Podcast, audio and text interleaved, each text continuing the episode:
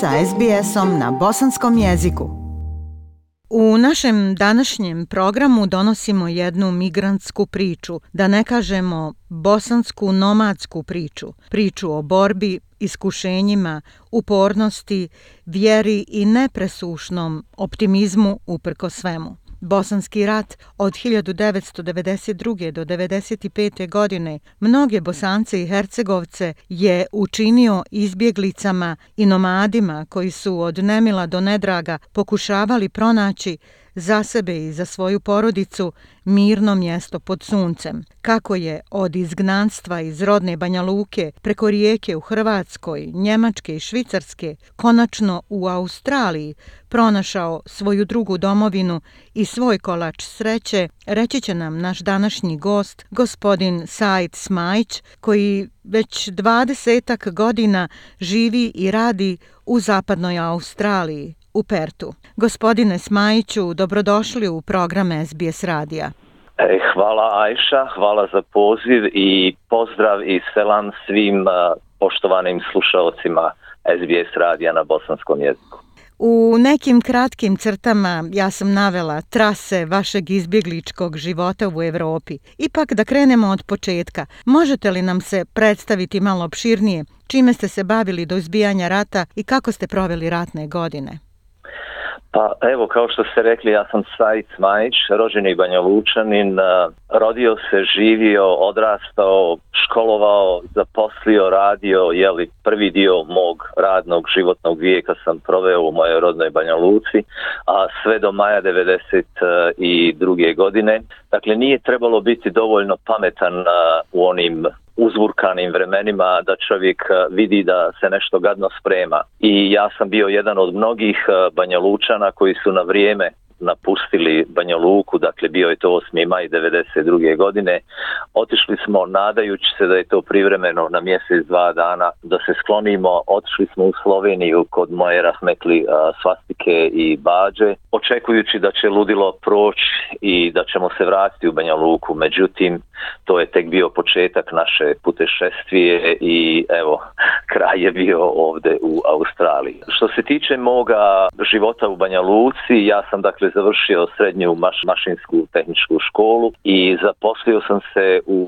radnoj organizaciji profesionalne elektronike Rudi Čajeva. Složena organizacija udruženog rada, ali je imala vojnu industriju, namjensku industriju kako se tada zvalo, jer je to bilo kao neka javna tajna da mi se bavimo oružjem. Ja sam radio na mjestu konstruktora tehnologa na mnogim projektima, dakle proizvodili smo oružje za bivšu Jugoslovensku narodnu armiju. Brak sam zasnovao 81. godine sa mojom Hanovom Almom Leach. Eh, dobili smo jedno dijete, našu čerku prekrasnu Elmu 1982. godine i dakle to je bila jedna lijepa idilična eh, veza, bračna veza koja je trajala na taj način do 92. godine i onda je sve preko noći se promijenilo. Dakle, od stalnog zaposlenja, sigurnosti, mi smo jednostavno bili prinuđeni da spakujemo stvari u, dva kofera i napustimo grad. I onda ste pokušavali naći stalno mjesto boravka u više evropskih zemalja, u Hrvatskoj, Njemačkoj, Švicarskoj. Pa nadajući se, ja, ja sam zaista bio optimista da ćemo mi, da će ludilo proći, da će ipak razum prevladati, da možda neće ni doći do takvih ratnih e, razaranja i agresije na našu domovinu kao što je ona bila i dakle nisam u početku imao nikakvi afiniteta ni ambicija da idem bilo gdje daleko. Dakle mi smo bili nekoliko mjeseci u Sloveniji očekujući da će ludilo prestati, međutim pošto je ludilo se samo povećavalo, mi smo shvatili da ipak povratka u Banja Luku bar ne, u nekom u nekom skorom periodu nema. I onda smo naš stan iz Banja Luke zamijenili za rijeku jer je rijeka bila grad koji je otvorio zaista svoja vrata ljudima iz Banja Luke bez obzira na nacionalnost i vjeru i dakle i mnogi bošnjaci, muslimani, a, pored Banja Lučkih Hrvata, katolika, dakle su našli, našli svoj novi dom u rijeci. Mi smo pokušali da budemo tamo da nastavimo svoj život i sve je bilo u redu, međutim nije bilo posla, rat je bio, Hrvatska je isto tako bila pod agresijom u jednom, u jednom ozbiljnom ratnom stanju, tako da smo shvatili da jednostavno nema nam tu opstanka na jedan normalan način i moja supruga i ja smo odlučili da odemo na poziv prijatelja, da odemo u Njemačku i da probamo da radimo. U Njemačkoj smo bili godinu dana i zaista radili ono što kaže od jutra do mraka, uštedili nešto novaca, vratili se u rijeku i sa jednim mojim rođakom koji se bavio tekstilom, mi smo osnovali jednu firmu u, rijek, u rijeci i pokušali tamo da se bavimo tekstilom, da šijemo zavijese, posteljinu, stoljnjake i tako dalje, da opremamo restorane, hotele i to. I bilo je lijepo, išla je proizvodnja, prodaja je išla dobro, međutim nije bilo naplate jednostavno, to je ratno stanje je dovelo do toga da ljudi mnogi nisu ni imali namjeru da bilo koga prevare, da ne plate i tako dalje, ali jednostavno su bili u poziciji da nisu imali novaca, nije bilo turizma od čega inače veći dio Hrvatske žive, pogotovo Primorje i Rijeka grad gdje smo se mi bili privremeno smjestili i tako da smo napustili onda i to čuli smo da se u Švicarskoj može još da prijave ljudi iz e, Bosne i Hercegovine i mi smo otišli u januaru 1996. godine u Švicarsku i zatražili utočište tamo. Već je bio potpisan Dejtonski sporazum, vlade mnogih evropskih zemalja su promijenile svoju politiku prema izbjeglicama iz eh, bivše Jugoslavije, a posebno iz Bosne i Hercegovine i nakon dvije godine naša aplikacija e, je odbijena sa obrazloženjem da mi možemo da se bezbjedno vratimo u Bosnu i Hercegovinu u Banja Luku, međutim mi smo znali mirovni ugovor je validan samo na papiru, a u stvarnosti stvari su bile puno drugačije i mi smo odlučili ipak da probamo da odemo negdje, negdje još na neko dalje sigurnije mjesto.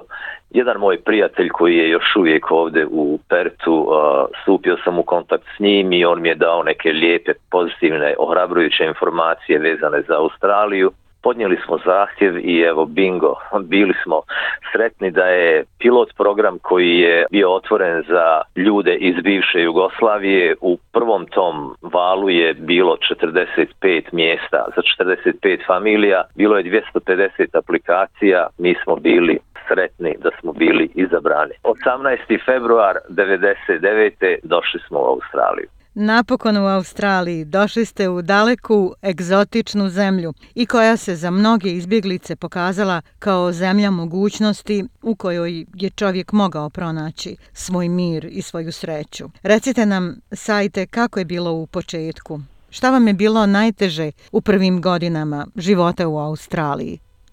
Pa svaki početak je težak, zaista svaki početak, bilo što čovjek da radi, od obrazovanja, bračna zajednica, zaposlenje, preseljenje, gradnja kuće, bilo što čovjek da počne da radi, svaki početak je težak. Nama u Australiji kad smo došli zaista nije nedostajalo prijateljstva i to vrlo brzo smo se uklopili u sredinu, čak smo našli ovdje i bližnju rodbinu za koju nismo znali da je u Australiji. S te strane je bilo u redu, međutim jezik, jezična barijera je bila najveći problem za mene lično i za moju suprugu, a isto tako i za našu kćerku Elmu. Međutim, djeca, ona je tad bila tinejdžerka, ona je vrlo brzo se uklopila, upisana je bila u jezičnu školu, dakle intensive language class i završila srednju školu, upisala se na fakultet, završila Hajron fakultet na vrijeme, odmah iza toga se zaposlila, hvala Bogu našla i sreću, udala se. sajti, i postali Nana i Dado ili Dedo. I evo, to je otprilike, dakle, početak je, jezik je bio najveća prepreka, a onda ove druge stvari, kad smo se osposobili da komuniciramo, sve ostalo je išlo samo po sebi se odvijelo. Dakle, uz pomoć naravno i naše rodbine i prijatelja koje smo ovdje u Australiji stekli. Eto, pored te lične, porodične sreće, bilo je mnogo toga lijepog. Šta smatrate najvrijednijim što vam je pružio život u Australiji? Ima mnogo stvari na koje čovjek e, gleda, zaista vrlo rado se osvrće i sjeća se tih stvari. Evo ja, ja mogu samo jednu komparaciju da napravim sa mogućim životom u Jugoslaviji, da nije bilo rata i da smo ostali tamo. Dakle, mi smo mogli da živimo dva naša života, ne bi nikad bili u mogućnosti da recimo kupimo kuću kakvu smo kupili ovdje, da živimo na taj način na koji živimo ovdje. Druga stvar koju ja ističem i stavljam na, na prvo mjesto je zaista zaista svijetla budućnost koju je Australija i mi kao roditelji smo uspjeli da pružimo našoj čerki Elmi obrazovanje od srednje škole do fakulteta. Ona je završila psihologiju, postala je Bachelor of Psychology. Dobila je posao čak jedan dan ranije prije nego što je dobila diplomu. Radi u Departmentu za zaštitu djece i već je na toj poziciji, ja mislim, 16-17 godina. Tako da je to neprocjenjiva vrijednost u njeno obrazovanje moja supruga i ja nismo uložili ni jedan, ni jedan jedini dolar. Dakle, sve je bilo, ovaj sistem australski je funkcionisao do perfekcije, sve je bilo obezbijeđeno i naša djeca su zaista bacila se, hajde da kažem, na neki način na, na roditelje, ozbiljno shvatili mogućnost koja im se ovdje pružila i većina naše djece je izišla na hajde put i evo, ja smatram da je to najveća vrijednost koju nam je Australija dala pored dakle socijalne skrbi, zdravstvene skrbi i svega ostalog, ali ovo što smo uspjeli da dobijemo obrazovanjem djeteta, to je dakle nešto što se jednostavno ne može naći nigdje drugdje u svijetu.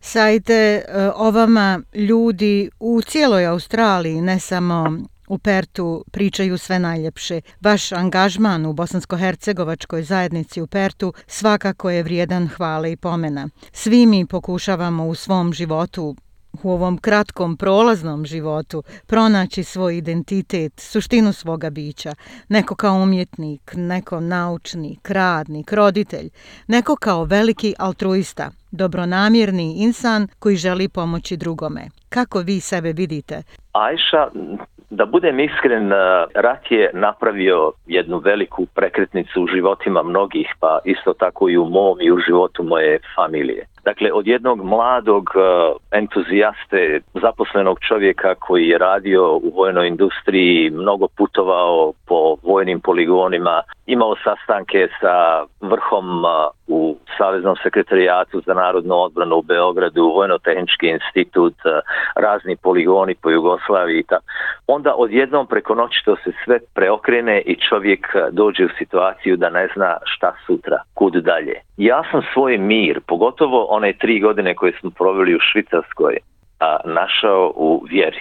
Desio se jedan, jedan, jedan slučaj nemio u mom životu, dakle moja rahmetli majka je 96. u decembru preselila na bolji i pravedniji svijet i ja sam shvatio tog trenutka da u našoj familiji će se ugasti svjetlo vjere. Moja majka je bila predani vjernik isto kao i moj rahmetli otac i tako dalje, međutim djecu je odgojio socijalizam škola i sistem koji je bio u bivšoj Jugoslaviji nismo baš bili ovaj vjerski nastrojeni i smatrali smo da je to staromodno i, i da jednostavno život nudi mnoge druge mogućnosti da su mnoga druga vrata otvorena. Ja sam bio jedan od tih mnogih. Međutim, rana smrt moje majke je napravila tu jednu prekretnicu i ja sam kao izbjeglica u Švicarskoj u to doba imao sam dosta i previše slobodnog vremena na koje nisam navikao. Posvetio sam se vjeri, pronašao svoj mir, svoj spokoj u vjeri. Vjera je od mene napravila drugog čovjeka. Ne mislim da sam bio loš čovjek e, i e, ni prije, ali mislim da je vjera jednostavno napravila jednu kompletnu ličnost, ličnost koja je sazrela u svim aspektima i kao muž i kao otac i kao koristan član zajednice, kao lojalan građanin države u kojoj živi i tako dalje.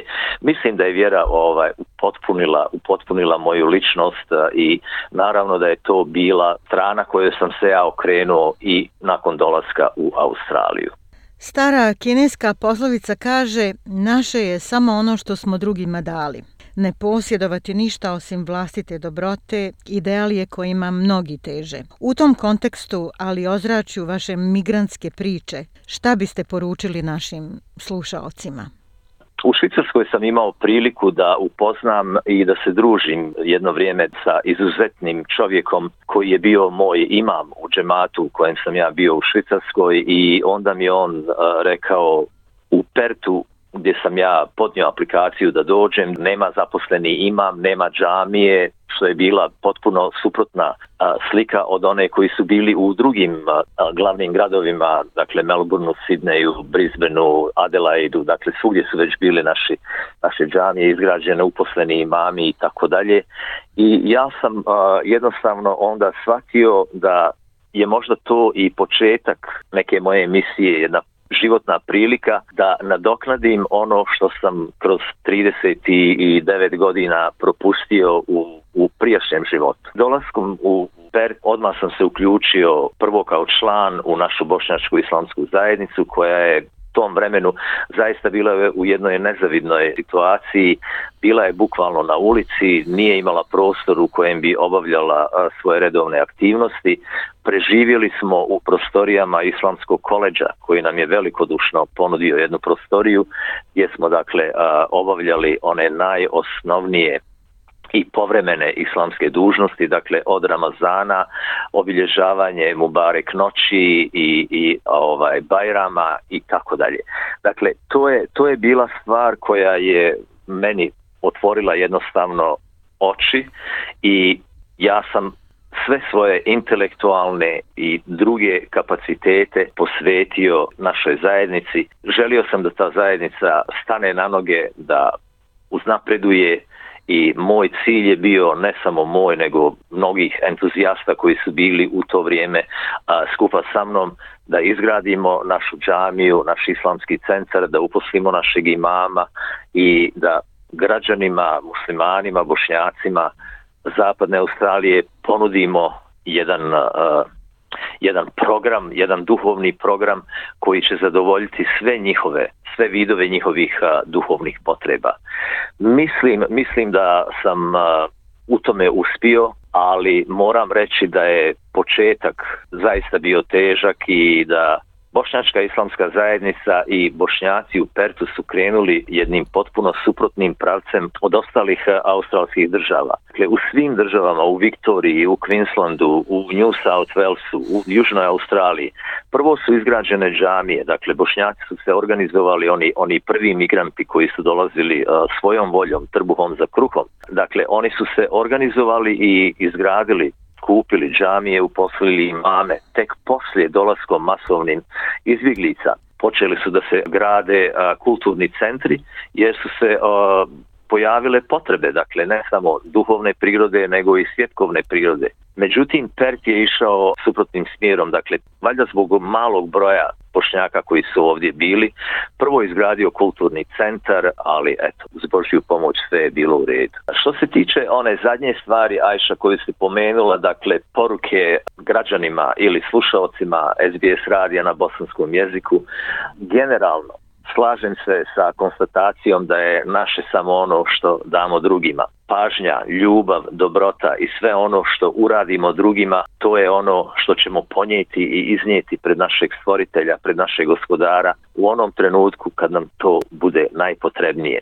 I mislim da je rad u islamskoj zajednici jedna inspiracija, ali mogu reći i obaveza i dakle, to je stvar koja zaista čovjeka koji ozbiljno je shvati i priđe tom poslu, ispunjava ličnom srećom i zadovoljstvom, a ujedno i kako dobro koristi ljudima oko sebe. Evo ja sam možda samo da, da jednu digresiju napravim, imao priliku da mi se obratila familija, suprug je preselio na bolji svijet, izrazio želju da bude prebačen u Bosnu i Hercegovini i tamo sahranjen. Ja sam uspio u, u jednu sedmicu dana da uradim sve što je bilo potrebno oko o, administrativnih tih poslova i onih svih zapreka koje stoje na tom putu i evo hvala Bogu ovaj taj preminuli će biti prebačen u prijedor dakle, rođeni i tamo će biti sahranjen. Dakle, to je, to je ono što je zajednica pružila pojedincu koji želi da na ispravan način pristupi i uključi se u njen rad. Mogućnost da se pomogne drugima u njihovim, da kažem, najtežim trenucima, kad gube nekoga, kad je neko bolestan, ali isto tako i onim lijepim trenucima kad njihova djeca sklapaju brakove, kad se rađaju, kad roditelji misle i shvate da trebaju svoje djeci da daju i vjersku pouku i tako dalje. To je ono što zajednica pruža ljudima. I moja poruka držite se čvrsto zajednice. U jedinstvu, u slozi, tu je snaga, tu je naš opstanak. Dakle, ne samo sport, ne samo zabava, muzika, estradne zvijezde i tako dalje. Dakle, duhovnost je nešto ipak što je iznad toga i to se jedino stiče kroz islamsku zajednicu. Ja sam sretan što sam bio dio islamske zajednice, što sam bio dio i motorna snaga jednog grandioznog projekta koji se zove Svon Vali džamija i Islamski centar u zapadnoj Australiji i nadam se da će moji sugrađani ovdje u, u zapadnoj Australiji moći da se okoriste onim što je bošnjačka islamska zajednica za njih izgradila. Hvala vam na ovoj lijepoj poruci, na vašoj ličnoj priči koju ste podijelili s nama. Želimo vam puno sreće u vašem radu, vama i vašoj porodici, dobro zdravlje, zadovoljstvo i mir hvala vama Ajša, hvala na pozivu i još jednom veliki pozdrav i maksu selam svim slušalcima SBS radija na bosanskom jeziku. SBS na bosanskom. Podijelite naše priče preko Facebooka. Želite poslušati još ovakvih priča? Slušajte preko Apple podcasta, Google podcasta, Spotify ili kako god da primate svoje podcastove.